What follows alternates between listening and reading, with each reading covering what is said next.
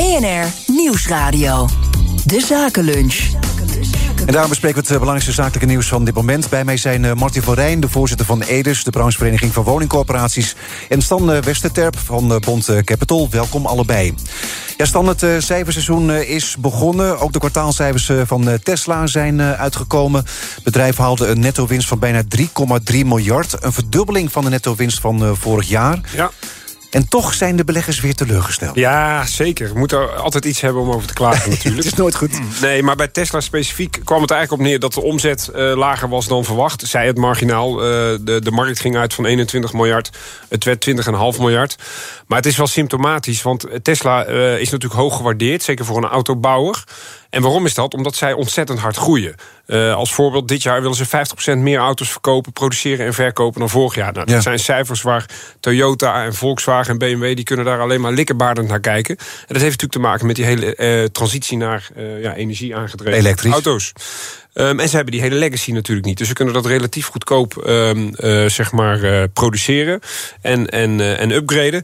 En het probleem zit er eigenlijk in dat je toch wel ziet... dat ook daar uh, misschien de vraag iets minder gaat zijn dan, uh, dan we verwacht hadden. En waarom komt het dan? Nou ja, Eden heeft het er net al over gehad. Hoge inflatie, hoge energieprijzen, uh, laag consumentenvertrouwen. Dat geeft toch aan dat je misschien denkt, nou... Mensen gaan even geen Tesla kopen. Ja, misschien even een iets goedkoper modelletje... of misschien wacht ik nog maar een half jaartje. Uh, maar nogmaals, dat is, dat is een beetje uh, zoeken naar een reden. Want het is niet zo dat de cijfers echt dramatisch waren. Alleen je ziet wel meteen voorbeurs dat Tesla min 5, min 6 procent staat het aandeel. Want analisten hadden verwacht dat het eigenlijk veel hoger zou zijn. De analisten hadden inderdaad verwacht dat de omzet hoger uit zou komen. En er komt nog bij dat als Tesla de doelstellingen van die 50% plus auto's dit jaar wil halen... dan zullen ze in het vierde kwartaal van dit jaar... een half miljoen auto's um, moeten produceren en verkopen. Ja, dan moeten ze echt nog serieus aan de bak. Dan moet ook bijvoorbeeld die gigafabriek uh, in Berlijn... echt op volle stoom gaan draaien. En daar zijn ook nog wat technische issues.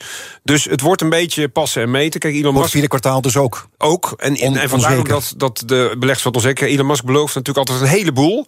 En uiteindelijk levert hij altijd wel. Het is alleen de vraag in, op welk tijdstip dat het precies gaat komen. Dus vandaar dat we nu even wat, wat immuneur zijn. Maar onderliggend is de trend natuurlijk hartstikke sterk voor dit soort bedrijven. Ja.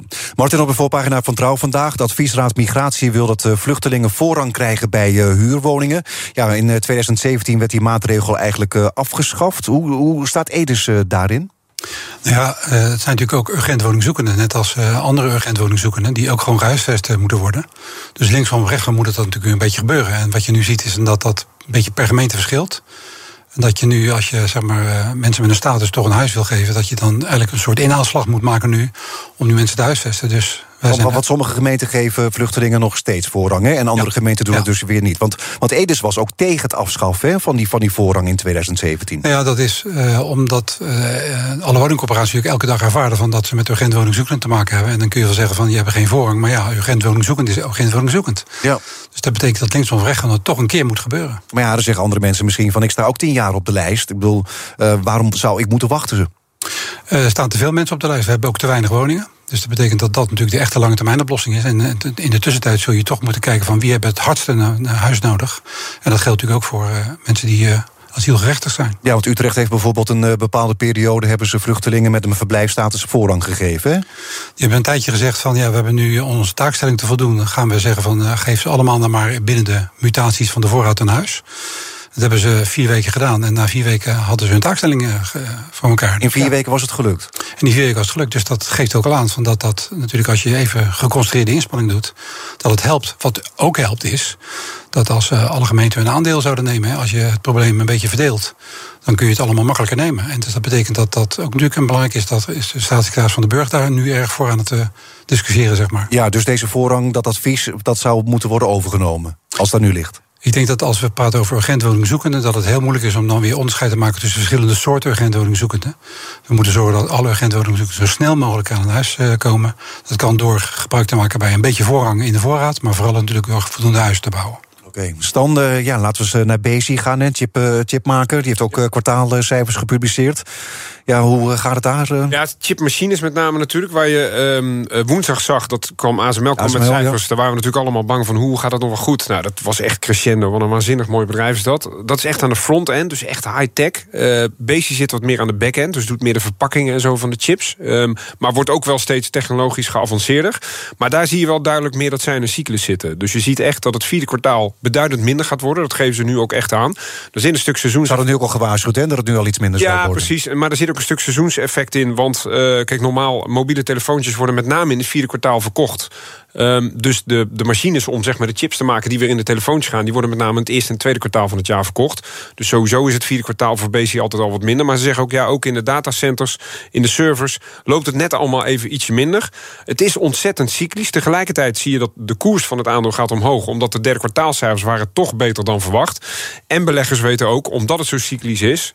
We weten, Eden zei dat ook nogmaals, dat consumentenvertrouwen komt dan weer een keer terug. Ja, we gaan weer een keer een nieuwe laptops kopen, we gaan weer een keer een nieuwe mobiele telefoon. Topman Richard Blikman die eh, zei vanochtend van uh, er is een nieuwe neergang bezig in de sector. Ja, dat is nog niet optimistisch dat we zometeen het vertrouwen weer terugkrijgen. Dat klopt, maar wat wel belangrijk is om te zien, als je kijkt naar bijvoorbeeld ASML met de EUV-machines, dan loopt Besi daar eigenlijk achteraan met de back-end machines, de hybrid bonding.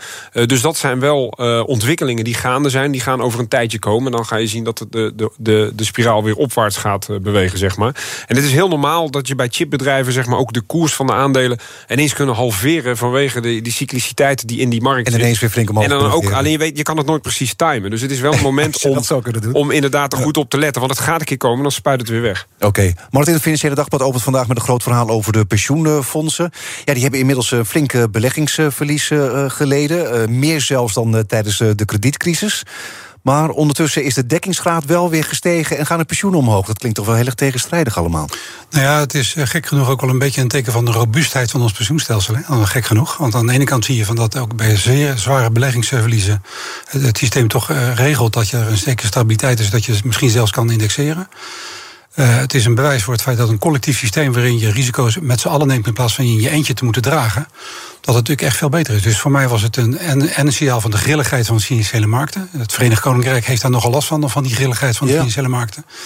En in Nederland hebben we een pensioensysteem wat er zo toch een beetje dat soort grilligheid een beetje kan verdragen. Wat maar voor mensen met zulke beleggingsverliezen. Ja, maar waarin de rente stijgt en waarin je dus ook minder in kas hoeft te hebben voor, de, voor later, waarin je dekkingsgraad stijgt. Dus dan heb je eigenlijk een stabiele factor in de Nederlandse economie. Die in ieder geval voor zorgt dat de pensioenen betaald kunnen worden. En dat is een heel groot goed, vergeten we wel eens in alle discussies. Maar het is een. Uh, juist de grilligheid van de financiële markt is een bewijs dat we hele stabiele pensioenstelsels nodig hebben. Maar goed, ik bedoel, er komt binnenkort een nieuwe pensioenwet. Hè? Blijft het dan nog steeds zo stabiel allemaal? Dat is wel de bedoeling, eh, omdat natuurlijk het uh, iets individueler wordt in de zin van. Uh, iedereen zijn eigen potje. Iedereen zijn eigen potje en tegelijkertijd wel collectief met elkaar de risico's dragen. En dat, dat laatste is vooral van belang. En risico's kun je echt, echt veel beter met elkaar dragen dan is in je eentje te nemen. Nou, zometeen om twee uur praten we door over die recordverliezen van pensioenfondsen met Martine Wolzak van het FD. Stan, heb jij nog een vraag?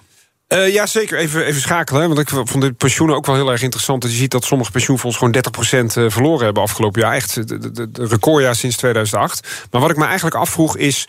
He, de hoge inflatie, hoge rente, terugkerende thema's... zijn dat voor woningcorporaties in die zin ook problemen... als we kijken naar de, uh, de, de hoogte van de woningvoorraad?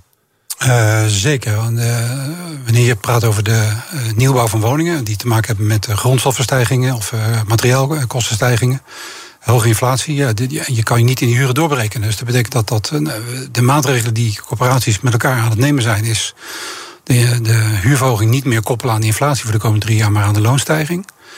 Uh, huurverlaging van mensen met een minimuminkomen tot 120 procent. Uh, gratis isoleren. Ja, dat, dat, is een enorm belangrijke operatie die de betaalkracht van mensen nog ondersteunt. Tegelijkertijd kost het zo'n beetje een miljard per jaar om dit te doen.